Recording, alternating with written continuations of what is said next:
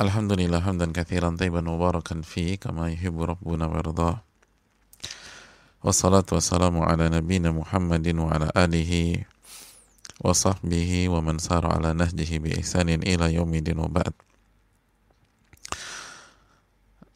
Saudaraku yang semoga Allah muliakan, tidak ada kata yang pantas untuk kita ucapkan pada kesempatan kali ini kecuali bersyukur kepada Allah atas segala nikmat dan karunia yang Allah berikan dan Allah limpahkan kepada kita sebagaimana salawat dan salam semoga senantiasa tercurahkan kepada junjungan kita Rasul kita Sallallahu Alaihi Wasallam beserta para keluarga, para sahabat dan orang-orang yang istiqomah berjalan di bawah naungan sunnah beliau sampai hari kiamat kelak.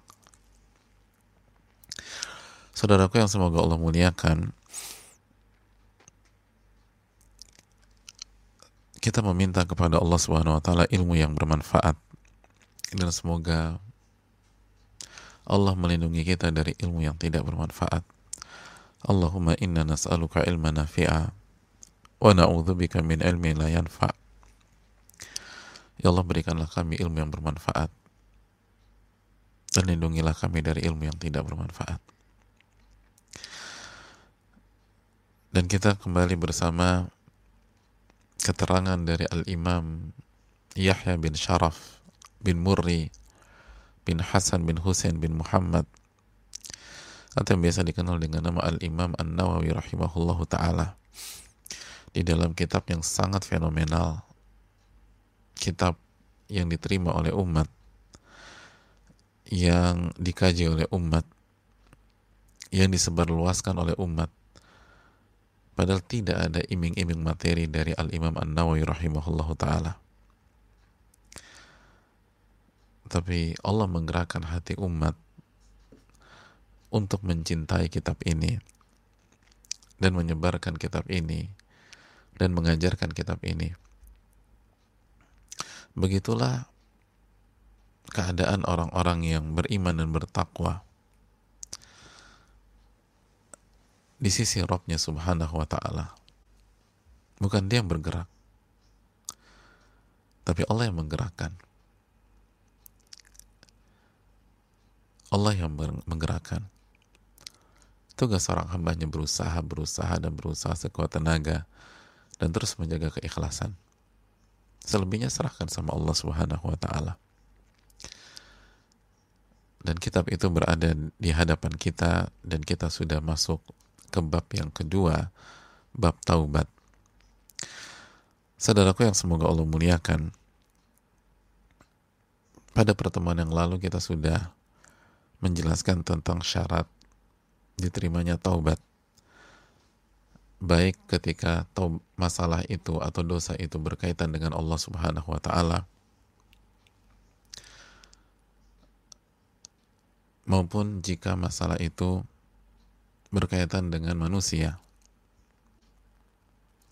Adapun berkaitan dengan Allah Subhanahu wa taala, maka syarat taubat dijelaskan Imam Nawawi adalah meninggalkan dosa tersebut, menyesali dosa itu dan bertekad untuk tidak jatuh ke dalam dosa tersebut di masa yang akan datang. Dan ditambahkan oleh sebagian para ulama seperti Syekh Muhammad bin Salih Utsaimin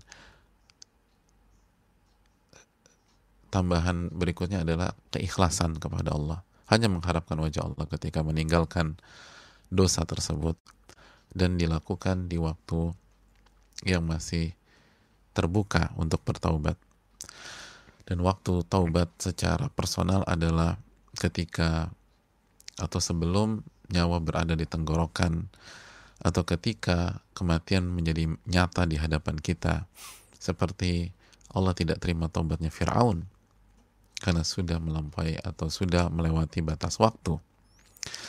Adapun waktu ketika kita bicara dalam konteks umum adalah pada saat matahari terbit dari barat. Dan kita juga menjelaskan pada pertemuan yang lalu bagaimana taubat menghadapi masalah yang berkaitan dengan manusia, berkaitan dengan manusia dan hadirin Allah muliakan. Ternyata nggak mudah. Ada tambahan syarat lagi yaitu kata al-imam an-nawi rahimahullah ta'ala an min haqqi sahibi. Kita harus menyelesaikan. Dan kita jelaskan bahwa ulama membagi menjadi dua kasus. Pertama kasus madi secara fisik. Kita ambil barang orang kita ambil uang orang. Maka harus diselesaikan. Minta maaf minta dihalalkan atau bahkan mengganti barang tersebut. Adapun yang kedua jika kasusnya maknawi seperti menggibahi membunuh karakter seseorang memfitnah ngomongin mencela dan mencaci. Maka kita jelaskan pada dasarnya harus diselesaikan. Harus minta maaf. Bahkan sebagian para ulama mengatakan harus dijelaskan apa gibahnya. Kenapa demikian? Karena secara kenyataan dan secara real orang itu bisa memaafkan sebuah gibah dan bisa tidak memaafkan gibah yang lain. Karena gibah kan beda-beda juga, bertingkat-tingkat. Ada orang, saya masih bisa maafkan ketika dia ngomongin saya dari sisi ini. Tapi begitu dia ngomongin saya dari sisi B, saya nggak maafkan. Sering kita dengar itu. Kita sering dengar orang bilang, saya masih maafkan kalau dia menyerang atau menyaci maki saya. Tapi begitu dia menyerang atau men, apa mencela orang tua saya saya nggak bisa memaafkan makanya sebagian ulama mengatakan itu sampai harus dijelaskan. Sampai harus dijelaskan. Mohon maaf saya begini begini begini. Karena secara global dia pikir oh padahal dalamnya minta ampun itu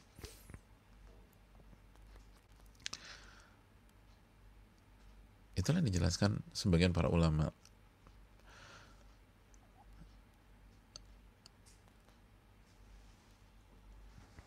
maka harus diselesaikan. Kecuali para ulama menjelaskan jika dia tidak tahu dan apabila kita sampaikan itu justru menimbulkan mudarat yang lebih besar. Dia nggak tahu hal tersebut dan ketika kita sampaikan, kita mau menyelesaikan justru menimbulkan masalah yang lebih banyak. Akhirnya pecah hubungan, akhirnya bermusuhan. Padahal kita udah bertobat dari hal itu. Kita udah nyesal udah udah nangis nangis kita. Dan kalau kita kasih tahu orang itu maka dijelaskan al-imam Ibnu Qayyim dijelaskan al-imam Ibnu Mufli dijelaskan al-imam Ibnu Hajar al-Haytami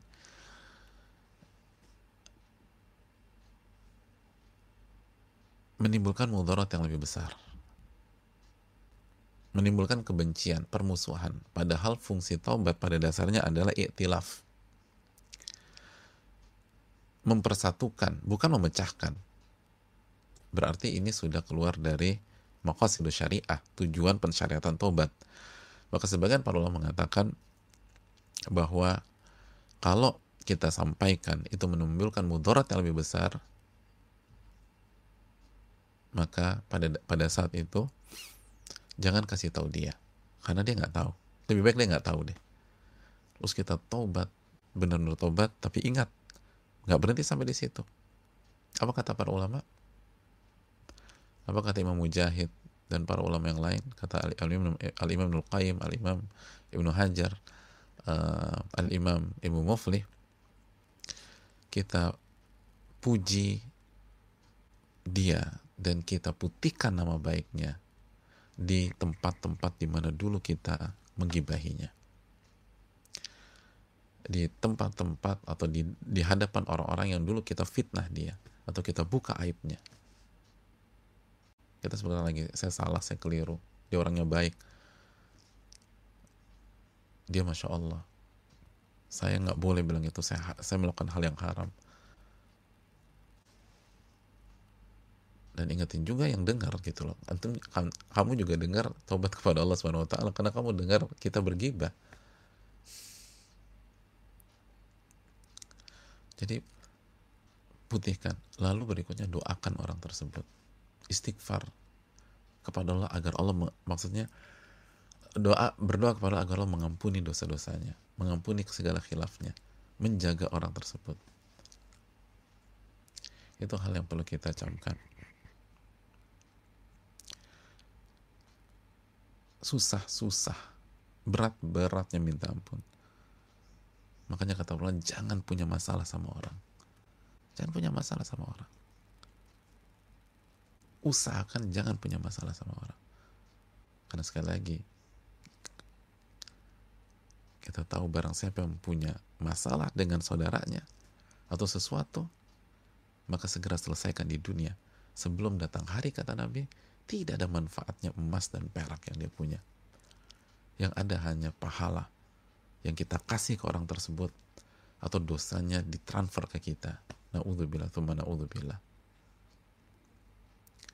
Pokoknya sebagian ahli ilmu mengatakan dari satu sisi ini, sekali lagi dari satu sisi ini aja, tanpa meremehkan tobat, eh, tanpa meremehkan dosa sama sekali. Tapi dari sisi, dari satu sisi ini, itu lebih mending seseorang punya masalah langsung dengan Allah daripada punya masalah dengan manusia. Dari satu ini saja, dan ulama mengatakan bukan berarti menggampangkan dosa dengan Allah. Enggak. Nggak boleh kita remehkan bahkan meremehkan dosa dosa itu adalah hal yang lebih berat daripada dosa itu sendiri kata sebagian para ulama. Tapi mereka melihat dari angle ketika anda membuat kesalahan dengan Allah anda berhadapan dengan Ar-Rahman Ar-Rahim. Betul Allah syadidul iqab. Tapi di waktu yang sama Allah ghafurur rahim Allah at-tawwab. Allah yang berfirman La taqnatu min rahmatillah. Innallaha yaghfiru dzunuba jami'a. Jangan pernah putus asa dari rahmat Allah. Sesungguhnya Allah mengampuni seluruh dosa jika seorang hamba bertaubat. Dalam surat Az-Zumar ayat 53 ya. Jangan pernah putus asa. Sebesar apa pun kesalahan Anda kepada Allah, jangan pernah putus asa. Karena Allah mengampuni segala bentuk dosa kalau Anda tobat kepada Allah. Bahkan kata para ulama, Anda melakukan syirik saja, Allah ampuni kalau Anda bertobat. Bukankah banyak para sahabat melakukan kesyirikan? Di, di zaman jahiliyah, di zaman jahiliyah. Lalu mereka bertobat kepada Allah.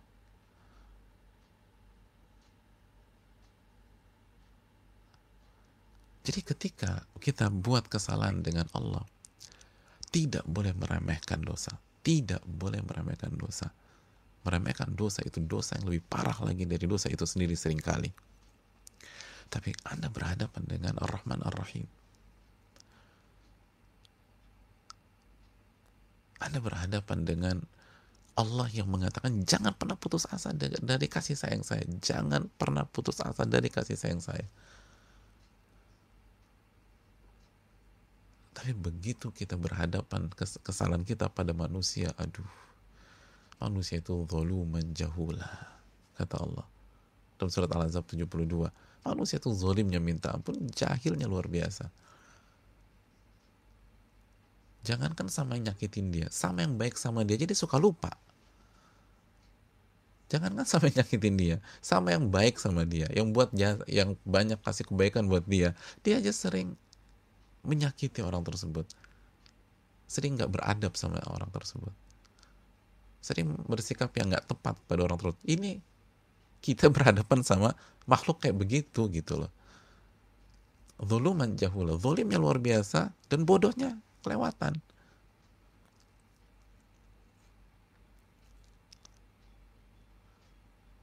Maka ini yang perlu kita camkan jamaah. Jadi sekali lagi mayoritas para ulama mengatakan harus diselesaikan. Hanya saja beberapa para ulama seperti Al-Imam Mujahid, Imam Ibn Mufli, Al-Imam Ibn Qayyim, lalu Al-Imam Ibn Hajar Al-Haytami mengatakan jika kita buka, jika dia tidak tahu dan kita kasih tahu justru menimbulkan mudarat yang lebih besar, jangan. Tapi cukuplah mendoakan orang tersebut terus doakan dia dan jangan lupa putihkan nama baiknya lagi. Puji dia. Sebutkan kebaikan-kebaikannya. Sebutkan jasa-jasanya. Maka semoga dengan cara seperti itu Allah memaafkan kita. Hadirin yang Allah muliakan. Dan itu ulama katakan hanya jika kita lihat dari satu sisi itu saja. Hanya jika kita melihat dari satu sisi aja tentang bagaimana membuat kesalahan kepada Allah dan membuat kesalahan kepada manusia tanpa meremehkan semua dosa apa pun itu juga. Hadirin Allah muliakan, mari kita lanjutkan.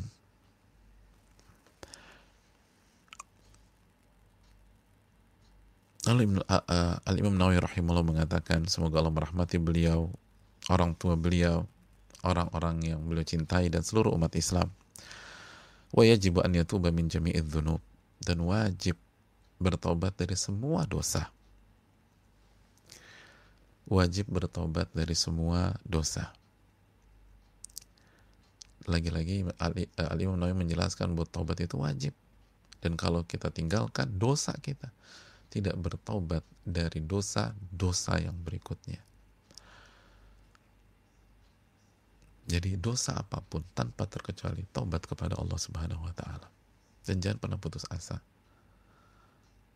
Fa in taba min ba'diha sahha taubatuhu inda ahli haq min dhalika dhanbi wa baqiya alaihi baqi dan apabila seseorang bertaubat untuk sebagian dosanya sebagian kesalahannya jadi misalnya dia punya dosa 10 dia hanya tobat untuk lima dosanya aja dia hanya tobat untuk enam dosanya empatnya dia belum bertobat maka apa hukumnya Al-Imam Nawawi menjelaskan hukumnya sah. Taubat untuk enam dosa itu sah. Inna alil haq min dhalika dhan. Wabaki alaihi baqi. Tapi untuk empat yang belum ditobati atau belum di belum dihapuskan dengan tobat, maka dosa itu tetap tetap ada. Beliau uh, menjelaskan selayang pandang tentang masalah ini. Masalah ini cukup panjang dijelaskan para ulama dan ini kesimpulan yang beliau sampaikan kepada kita. Rahimahullah. Jadi apabila seseorang punya 10 dosa sekali lagi lalu dia hilangkan, eh, dia tobat untuk enam dosanya, sedangkan empat dosanya masih dia kerjakan, masih dia lakukan dan seterusnya. Kata para ulama apabila dia punya dia dia berzina dia minum khamar. Untuk berzina dia tobat udah tobat anda takut sama Allah segala macam bla bla. Tobat dia. Tapi minum khamar masih. Minum khamar masih. Maka to, zina dosa di zinanya diampuni oleh Allah. Tobatnya kepada uh, tobatnya dari zina diterima sama Allah kata Imam Nawawi. Adapun dosa khomernya masih tetap berlaku. Itu gambarannya ya. Itu gambaran.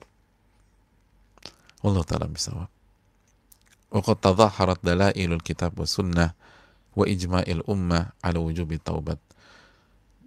Dan telah jelas dalil dari dari Al-Quran dan Sunnah Nabi dan ijma para ulama tentang wajibnya taubat tidak ada perbedaan tentang wajibnya taubat jemaah tidak ada perbedaan. Semua ulama sepakat, kita harus bertobat.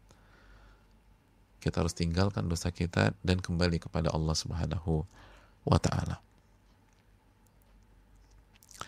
Lalu Ali Nawawi membawakan tiga ayat sebagai perwakilan. Ada banyak ayat tentang taubat. Beliau sampaikan tiga ayat. Yang pertama ayat di dalam surat An-Nur ayat 31 ketika Allah berfirman wa tubu ilallahi jami'a ayyuhal mu'minun la'allakum tuflihun.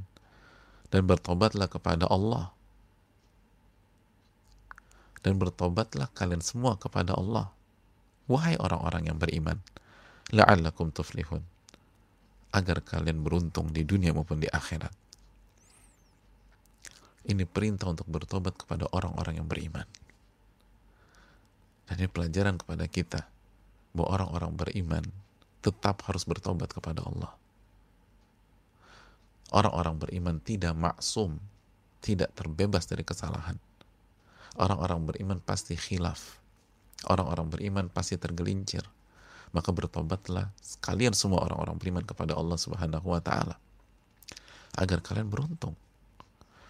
Agar kalian beruntung. Dari sini pelajaran bagi kita bahwa keberuntungan mendapatkan kebaikan di dunia dan di akhirat itu dikaitkan dengan taubat bukan dikaitkan dengan angka tertentu. Sekali bukan dikaitkan dengan angka tertentu. Bukan dikaitkan dengan arah. Bukan dikaitkan dengan posisi. Ini dikaitkan dengan taubat kepada Allah. Mau beruntung bertobat kepada Allah mau beruntung bertobat kepada Allah subhanahu wa ta'ala. La'allakum tuflihun. Banyak orang ingin ingin jadi orang yang beruntung. Lo kok beruntung banget sih? Gue tuh pengen jadi orang beruntung. Taubat. Ya lo biasa aja ngomongnya dong. Emangnya cuman gue banyak dosa lo juga banyak dosa? Lo bukan. Ini bukan memfonis lo banyak dosa terus gue orang suci. Enggak kita semua banyak dosa. Tapi kan tadi lo bilang lo mau jadi orang beruntung. Iya gue mau jadi orang beruntung nah itu kuncinya taubat Allah berfirman dalam surat An-Nur tadi ayat 31. La'allakum tuflihun. Agar kalian beruntung. Mau jadi orang beruntung kan? Atau enggak? Beruntung di dunia dan di akhirat. Tobat kepada Allah.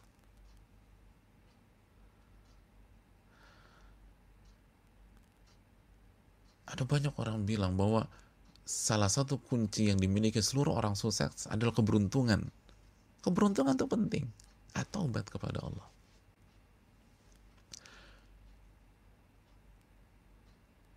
Tapi dia nggak pernah sholat, beruntung. Ya dia beruntung di dunia. Di akhirat gimana nanti? Anda mau beruntung di dunia aja atau mau beruntung di dunia akhirat? Kalau mau beruntung di dunia akhirat, taubat. Lalu pelajari apa skill dan kemampuan orang-orang sukses itu secara teknis duniawi udah dapat dua-duanya. Dapat di dunia dapat di akhirat. Taubat kepada Allah Subhanahu wa taala. Jadi kalau mau beruntung taubat kepada Rabbul Alamin.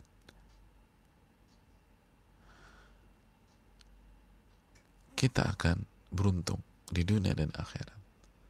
Orang cari keberuntungan. Tapi nggak ngerti bagaimana mendapatkan keberuntungan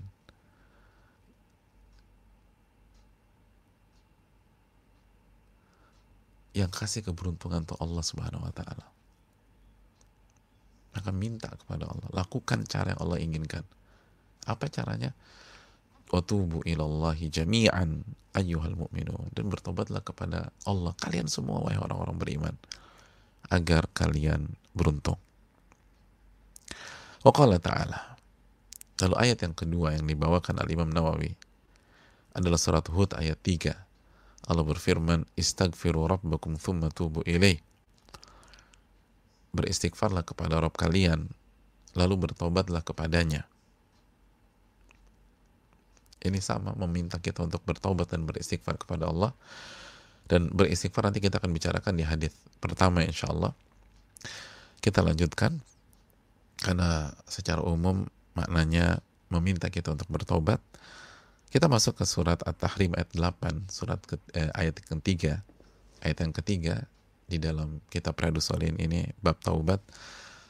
Allah berfirman, "Ya ayyuhalladzina amanu tubu ilallahi taubatan nasuha." Wahai orang-orang beriman, bertaubatlah kepada Allah dengan taubat nasuha. Ayat inilah yang membuat diksi atau istilah taubatan nasuha begitu populer di tengah-tengah kita. Kita sering taubat, kita harus taubat nasuha. Ini taubat nasuha. Lu harus taubat nasuha. Kamu mas harus taubat nasuha. Kita semua harus taubat nasuha. Apa maksudnya? Perintah Allah dalam ayat ini. Surat At-Tahrim ayat 8. Ya ayuhalladzina amanu tubu ilallahi taubatan nasuha. Hai orang-orang beriman bertaubatlah kepada dengan taubat nasuha dengan taubat nasuha.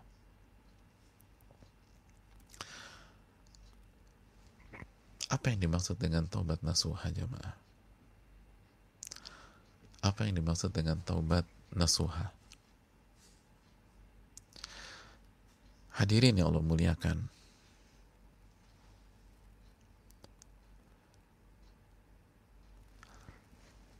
Terjadi pembicaraan panjang tentang makna taubat, taubat nasuha.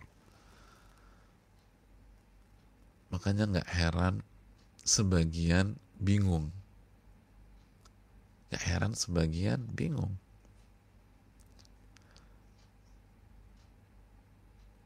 Kenapa? Karena memang ulama menjelaskan ini panjang lebar. Dan secara redaksi ada perbedaan dari keterangan yang satu ke keterangan yang lain. Ada perbedaan dari keterangan yang satu ke keterangan yang lain maka sebuah hal yang wajar jika sebagian kita agak bingung yang benar yang mana itu taubatan nasuh itu apa sih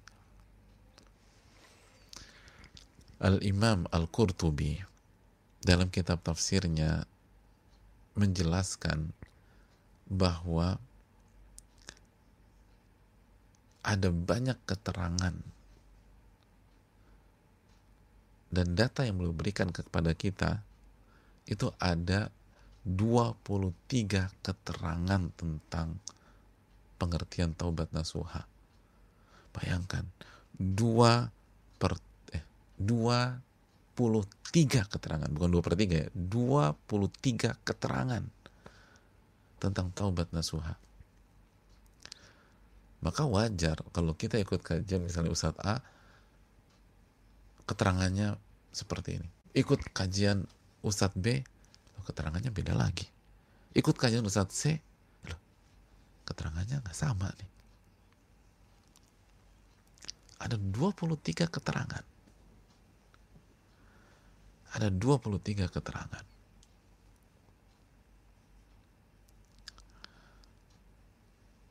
Banyak sekali.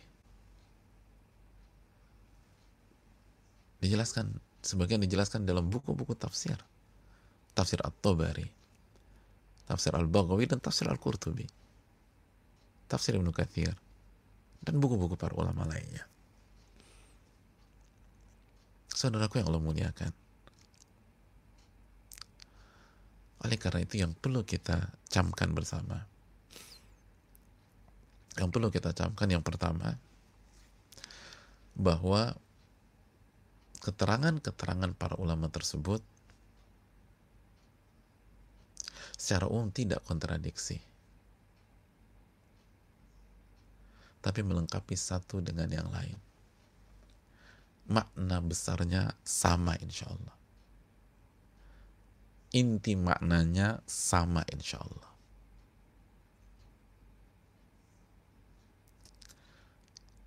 jadi ketika mereka membahas taubatan nasuha secara umum Insya Allah Jadi jangan jangan galau dulu. Jangan berpikir, aduh bingung anak nih. Ini nggak ada yang benar nih. Lo enggak. Kita aja kalau bersepuluh, misalnya sama teman-teman kita, kita membahas satu substansi, itu bisa dengan sepuluh ungkapan. Sepuluh diksi. Tapi kalau kita uh, runut-runut, semua sama aja nih. Begitulah. Dan itu biasa di dunia para ulama. Apalagi di dunia tafsir. Makanya dalam ilmu tafsir kan ada istilah ikhtilafut tanawu. Di antara mana ikhtilafut tanawu itu berbeda pengungkapan, berbeda redaksi, berbeda diksi, berbeda kata, berbeda kalimat, tapi maknanya sama. Tapi maknanya sama. Arahnya ke sana mungkin ada orang lihat dari angle ke angle yang kiri, angle yang kanan dan seterusnya. Tapi intinya nanti sama. Itu poin yang pertama ketika kita berbicara taubat dan nasuha. Poin yang kedua, dijelaskan para ulama seperti Al-Imam Ibnul Qayyim bahwa berbicara taubatan nasuha kita berbicara tentang taubat yang paling sempurna. Wahya akmalu ma yakunu minat taubah. Kata Al-Imam Al-Qayyim rahimahullah taubat nasuha adalah taubat yang paling sempurna dari sebuah pertobatan ini level paling puncak dan level paling tinggi taubat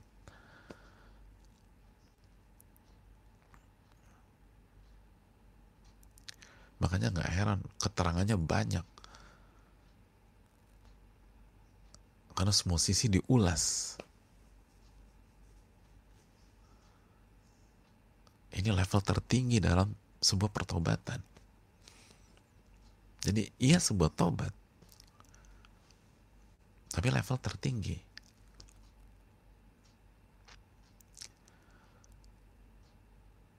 Itu poin yang kedua. Poin yang ketiga Hadirin yang Allah muliakan.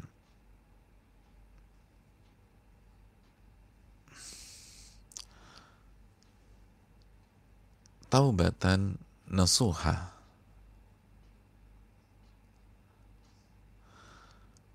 Nasuha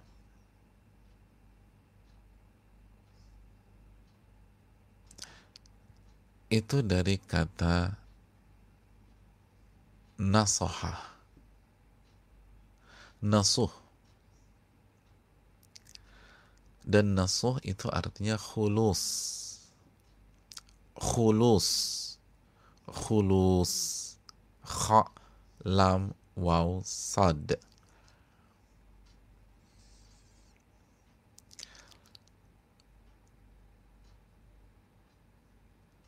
dan khulus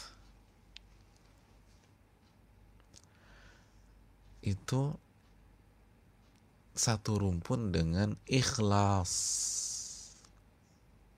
Satu rumpun dengan ikhlas.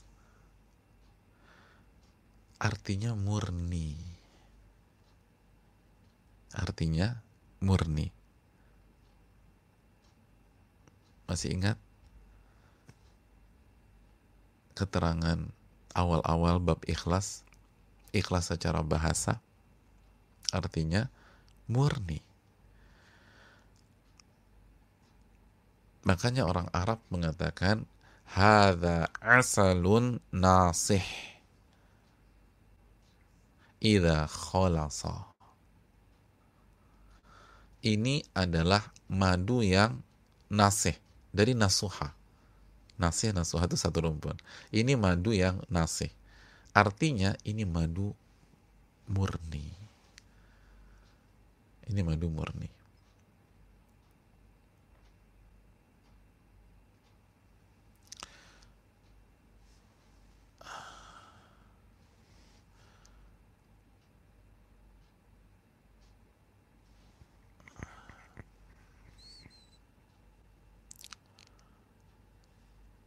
Jelas ini jamaah. Itu makna yang pertama.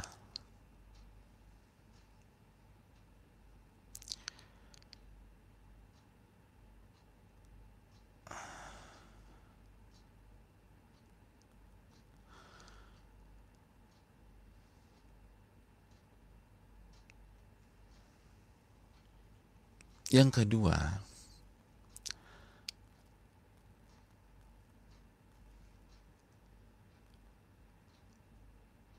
nasuh atau nasoha itu bisa bermakna khiyatah. Khiyatah itu menjahit atau jahitan.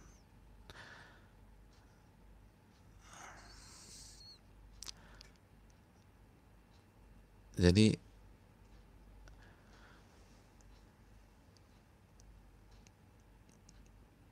nasoh atau nasuh dari katakan nasohah artinya khiyatoh, jahitan atau jahitan. Nah, itulah dua makna dasar dari nasuha. Yang pertama artinya murni, murni yang kedua artinya jahitan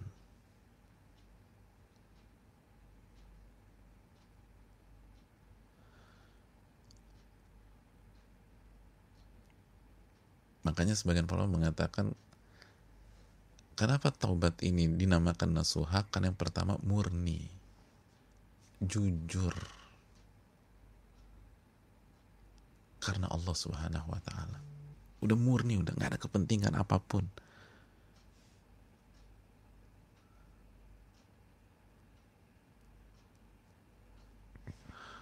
Nggak ada kepentingan apa pun.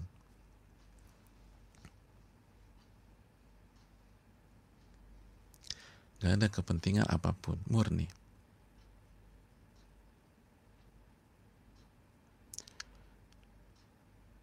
Terus yang kedua, kenapa dikatakan jahitan? Karena qad ahkama ta'atahu wa awthaqatha. Kama yuhka kama yuhkimul khiyatu thawba bi khiyatatihi wa yuthiquhu. Karena taubat nasuha adalah taubat yang menjahit ketaatan-ketaatan seorang hamba.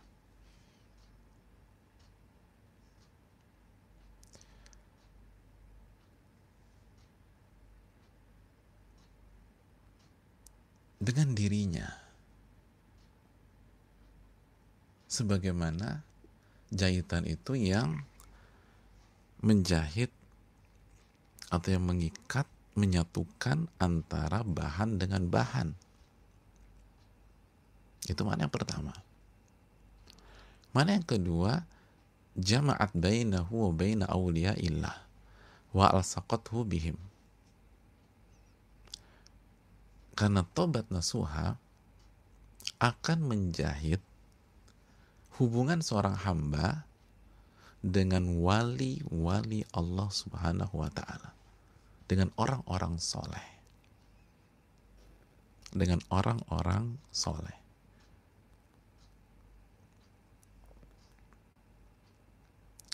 Sekali lagi, nasuh kita harus lihat dari akar katanya karena ini penting ini yang membuat kita akan merangkai semua keterangan para ulama. Baik yang kita sampaikan di kajian ini ataupun nanti kita dapat di kajian lain atau literatur lain. Itu berasal dari yang pertama khulus murni Kenapa dinamakan itu? Karena taubat ini murni karena Allah. Jujur, gak ada kepentingan. Dan nanti kita akan sebutkan keterangan sebagian para ulama. Yang kedua, khiyatah, jahitan. Jahitan. Jahitan. Karena taubat nasuha itu akan menjahit sehingga hamba dengan ketaatan amal soleh itu akan erat dan menyatu, akan kuat. Dan hubungan sama Allahnya akan bagus. Yang kedua, akan membuat seorang hamba dengan para wali Allah, orang-orang soleh, itu akan terikat, terjahit hubungannya. Jadi hubungan hamba dengan Allah terjahit, dengan amal soleh, lalu di waktu yang sama karena dia berubah kotak dia berubah komunitas yang dulunya di tempat-tempat yang haram sekarang mainannya masjid otomatis kenal sama orang soleh. Sekarang di kajian akhirnya punya hubungan dengan orang-orang soleh. Maka dinamakan taubatan nasuha. Karena mengikat atau membuat hubungan hamba dengan Allah jadi terikat kokoh kuat apalagi katanya bagus atau jahitannya oke jadi kuat banget jahitannya lalu dia dengan wali-wali Allah. Bagus. Terikat. Itu yang di mana, dinamakan taubat nasuha. Keterangan ini disampaikan Al-Imam Al-Qurtubi ketika beliau menjelaskan tafsir surat At-Tahrim ayat 8 di atas. Ya ayyuhalladzina amanu tubu ilallahi taubatan nasuha. Wahai orang-orang beriman, bertobatlah kepada Allah dengan taubat yang nasuha. Jadi catat keterangan ini adalah keterangan Al-Imam Al-Qurtubi ketika beliau menjelaskan tafsir surat At-Tahrim ayat berapa? Ayat 8 di atas.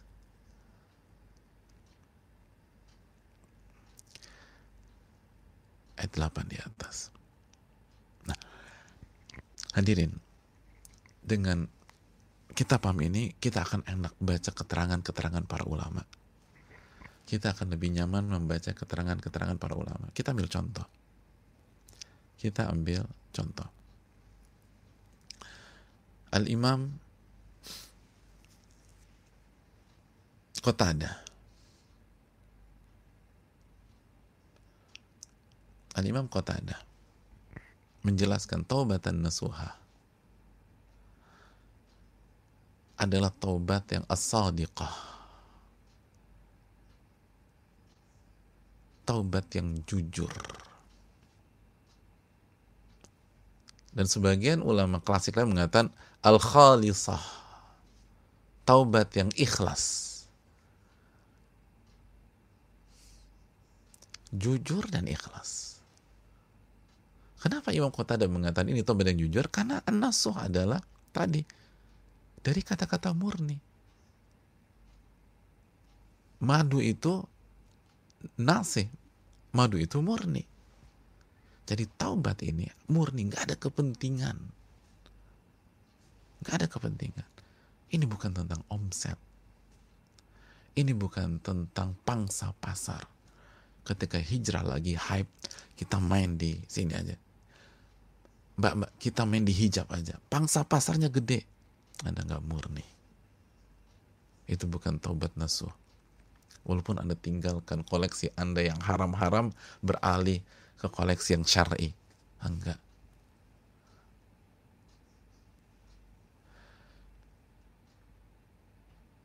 Kita harus garap ini. Ini ini pasar syariahnya belum ada yang garap. Ini murni karena Allah apa enggak? Jujur kepada Allah apa enggak? Berarti ini tidak tidak murni. Sedangkan Allah mengatakan tubuh ilallahi taubatan nasuha dalam surat At-Tahrim ayat 8 itu. Kalau taubatlah taubat yang murni. Taubat yang jujur. Jangan ada kepentingan. Itu yang dijelaskan oleh Allah Subhanahu wa taala.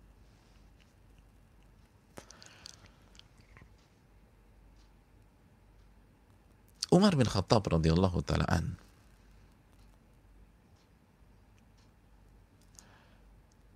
mengatakan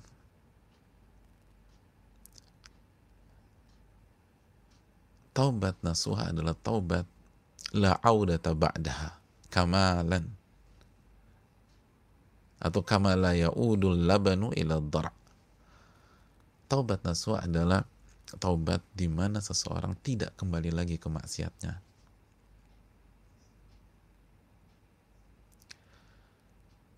Sebagaimana susu yang kalau sudah diperah nggak bisa dibalikin lagi. Gimana untuk kita perah susu sapi, susu kambing, gimana balikin lagi? Gak bisa dikembalikan. Taubat kayak begitu kata Umar bin Khattab.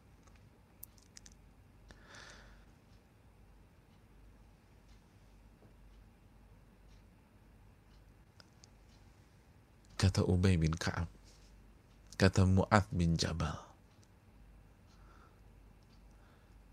Kenapa mereka bilang begitu? Ada korelasinya, ada kaitannya dengan kejujuran. Kalau kita jujur, benar-benar ingin kembali kepada Allah, ya udah jangan balik lagi dong. Jangan balik lagi.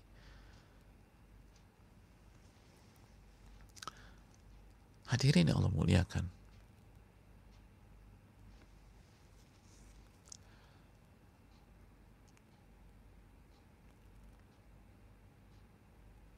Contoh yang lain.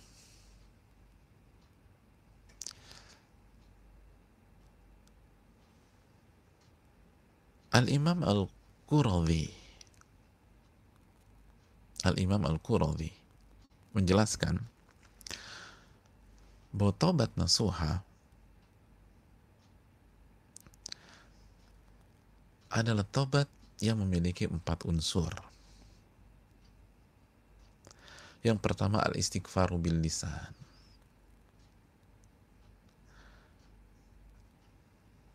istighfarnya lisan seorang hamba. Wa iqla'un bil abnan.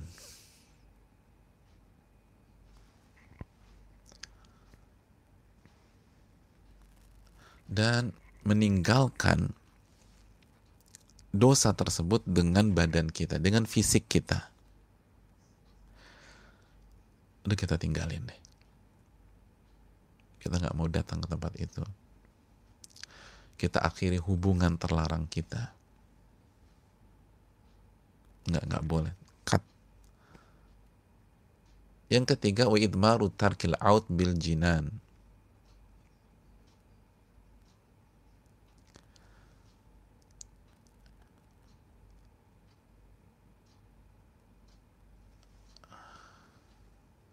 Bertekad untuk tidak kembali lagi dengan hati kita bertekad untuk tidak kembali lagi dari hati kita. Fahatir cepat, saya nggak mau balik lagi, saya nggak mau balik lagi.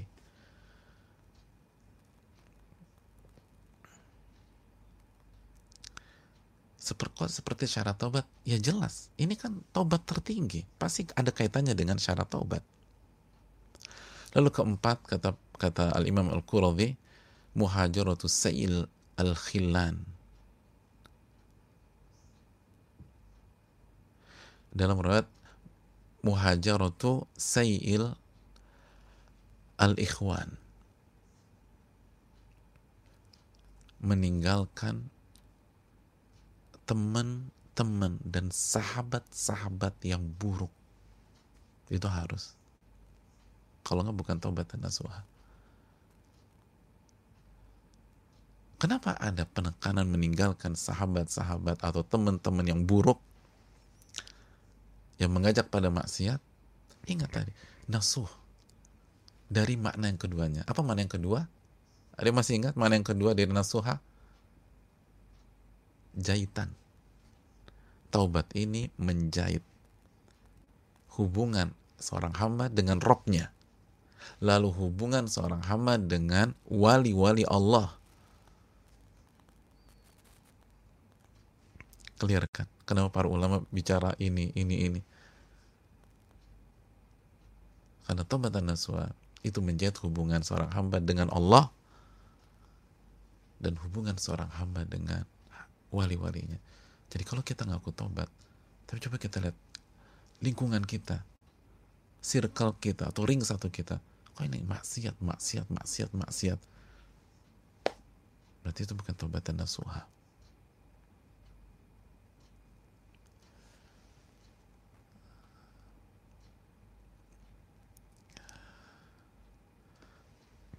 Hadirin yang Allah muliakan. Kita lanjutkan. Di antara yang mengatakan atau menjelaskan taubatan nasuha adalah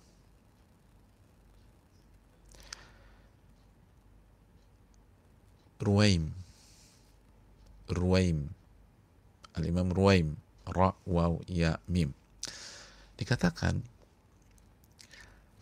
huwa an takuna lillahi wajhan bila qafa. Kama kunta lahu indal ma'siyati qafa bila wajah tobat naswa itu engkau senantiasa menuju kepada Allah dengan wajahmu. Senantiasa menuju kepada Allah dengan wajahmu.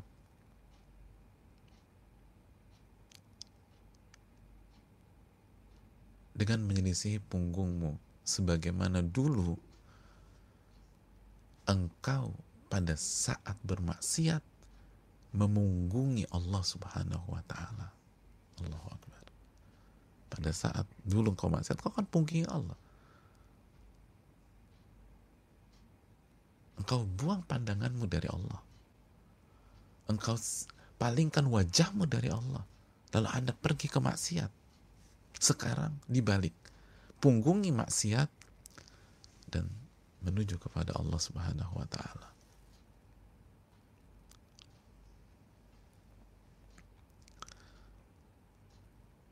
Itu baru murni. Baru murni. Baru jujur. Kalau kita masih punggungin Allah, Anda nggak jujur. Anda nggak jujur. Taubatan nasuha adalah dalam hidup kita selalu mengarah kepada Allah selalu mengarah kepada Allah. Ini jalan menuju Allah, nah kita pakai ini. Tapi ini menarik mas, enggak, enggak, enggak. Ini jalan menuju Allah. Yang dosa-dosa kita punggungin aja udah. Kita punggungin. Ganti pola main. Dulu kita maksiat, kita punggungin Allah, na'udzubillah. Sekarang kita selalu menghadapkan wajah kita kepada Rabbul Alamin. Pokoknya setiap jalan yang menuju kepada Allah kita ambil. Setiap jalan menuju kepada Allah kita ambil. Setiap jalan menuju kepada Allah kita ambil.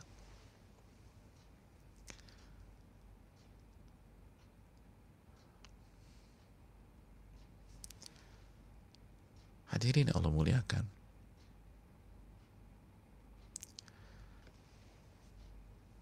Al-Imam As-Sari As-Saqati itu mengatakan la tasruhu taubatun nasu illa bi nasihati nafsi wal mu'minin.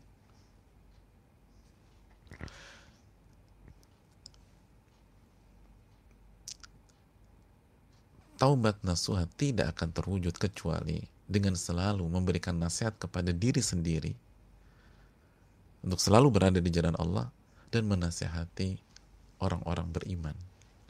Itu kan. Kenapa? Karena ada khiyatah men, ini naswa itu menjahit.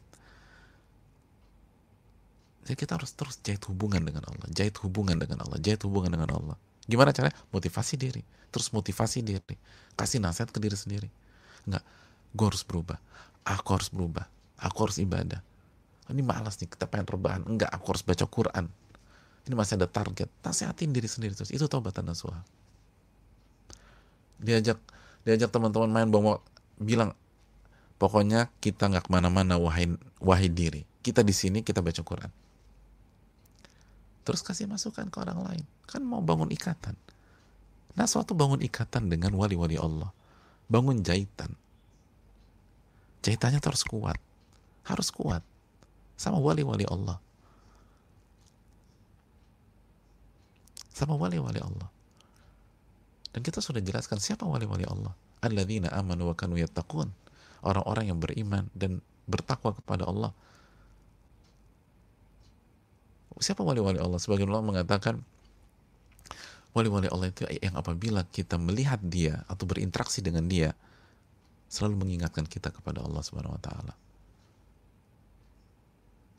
Selalu mengingatkan kita kepada Allah.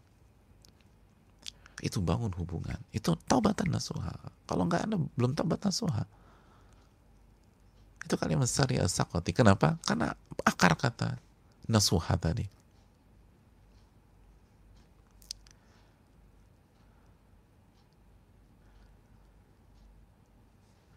Hadirin yang Allah muliakan.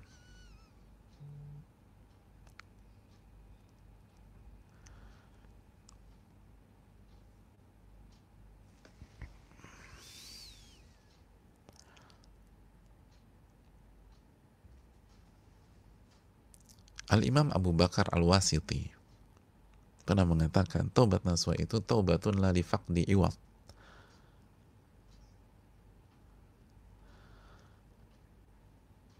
taubatan naswa itu adalah taubat bukan di iwat bukan karena kehilangan sesuatu terus kita mau cari gantinya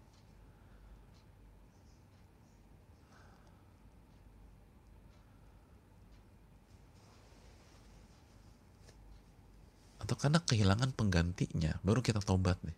Kita udah kehilangan udah ada tobat nih. Enggak. Ini harus murni karena Allah subhanahu wa ta'ala. Bukan karena kepentingan.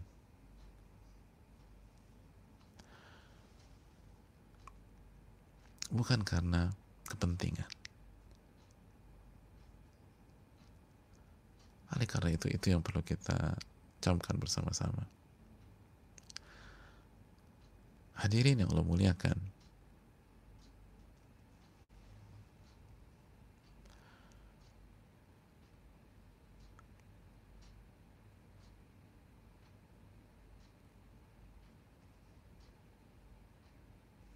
Itulah kira-kira beberapa definisi dari taubat. Taubatan nasuha.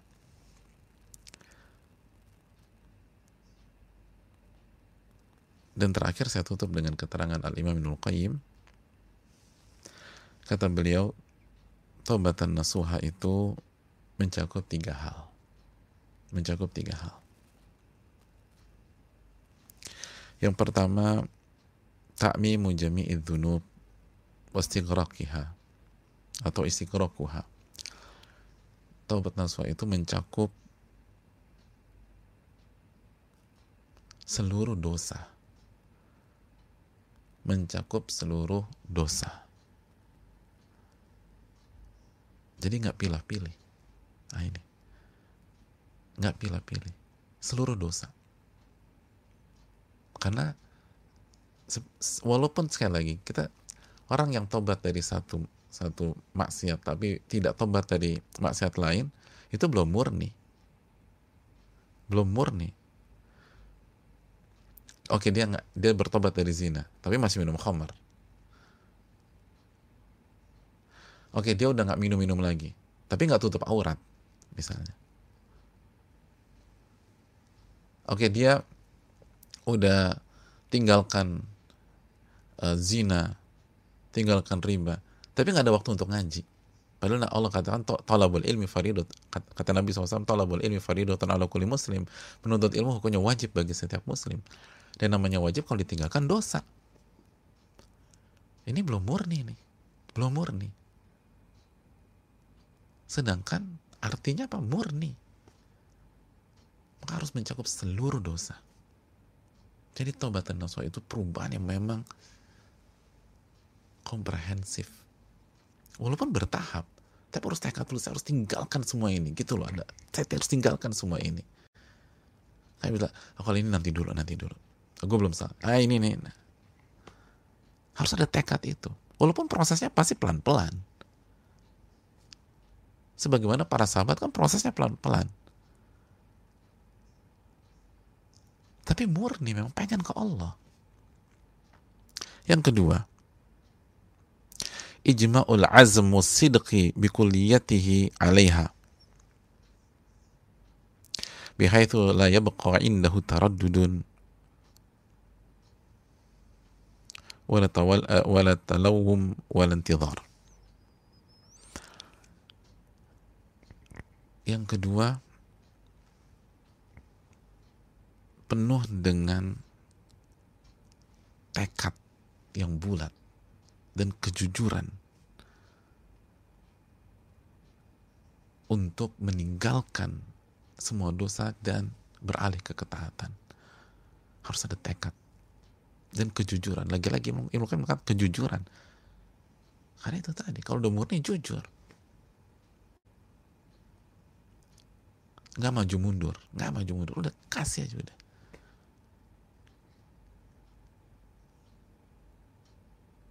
mau ingat kita mau ikutan nggak kita ngerintis dari nol nih aduh tapi kan anak gua bini gua ah, enggak itu bukan taubat nasuh udah kita mulai dari nol nih Ayo kita start.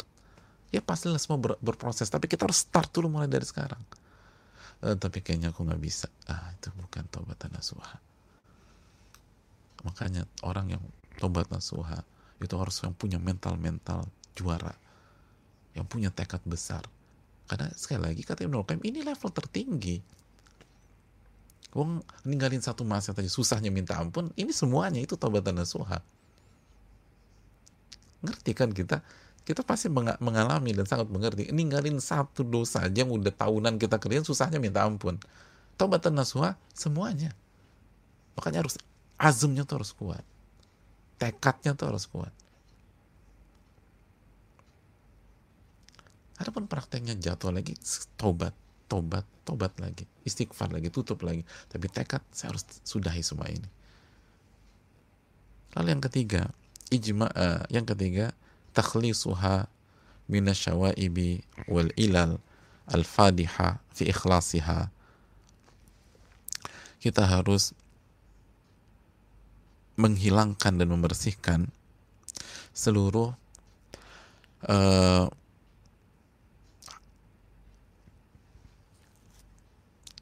seluruh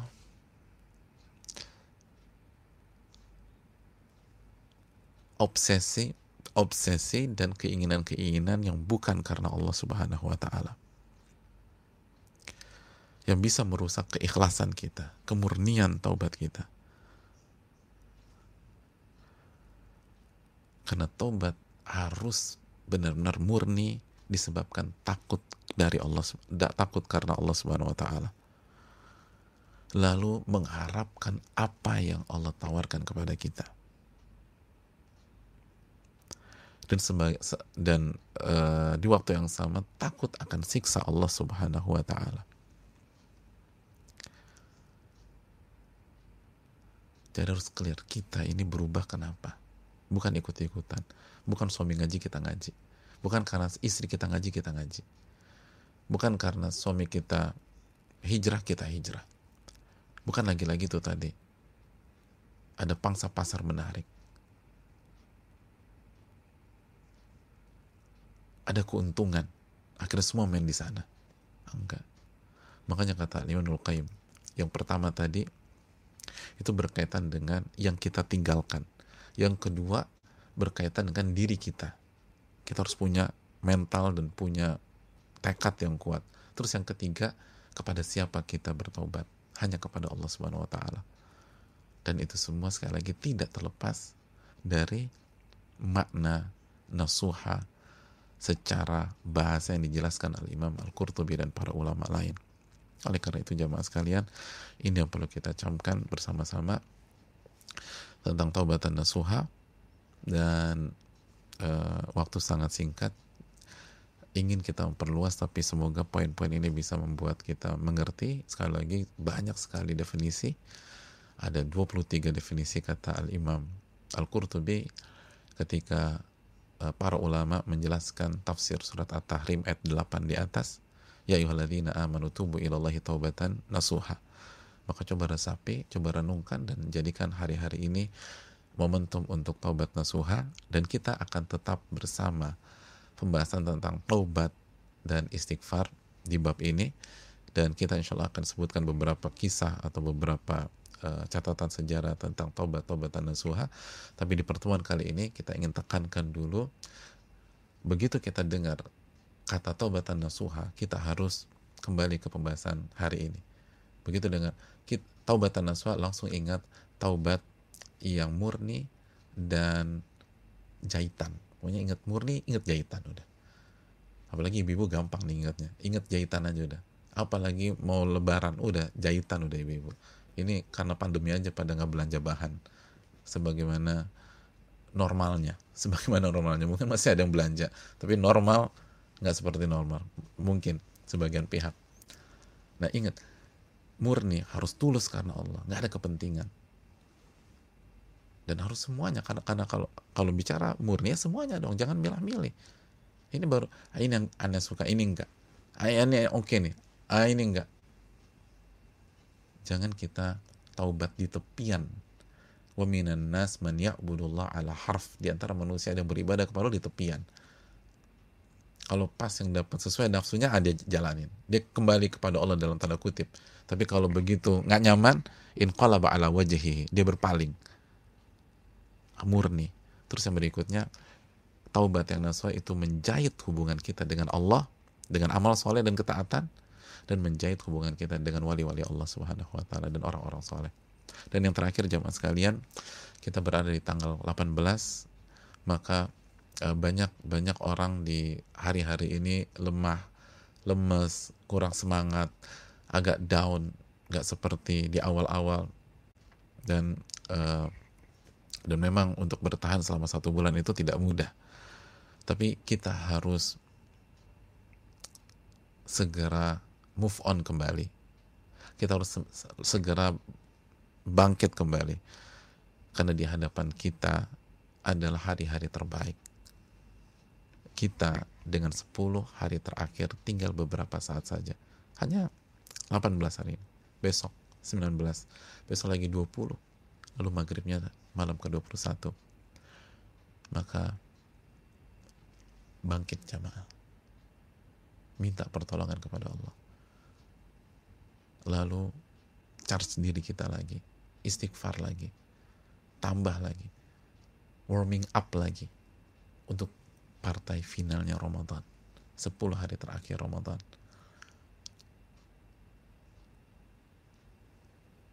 lakukan pemanasan lagi.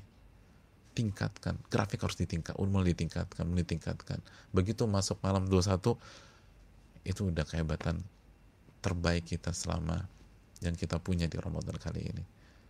Dan jangan jangan baru sadar malam 21 sekarang 18 dan masih di awal masih di pagi hari. Isi hari ini dengan maksimal. Lalu 19 lalu 20 malamnya kita masuk 21 nggak ada waktu lagi teman-teman.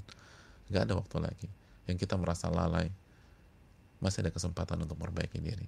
Yang merasa nggak maksimal masih ada kesempatan memperbaiki 18 19 20 lalu maghrib kita masuk 21 sebentar sebentar. Hanya Senin Selasa Rabu maghrib kita masuk 21 jangan sia-siakan Senin ini jangan sia-siakan Selasa esok dan jangan sia-siakan Rabu. Kita dengan malam-malam terbaik itu hanya berjarak Selasa, Senin, Selasa, Rabu, sampai maghrib. Gak lama. Ini yang bisa disampaikan. Wassalamualaikum warahmatullahi wabarakatuh. Assalamualaikum warahmatullahi wabarakatuh.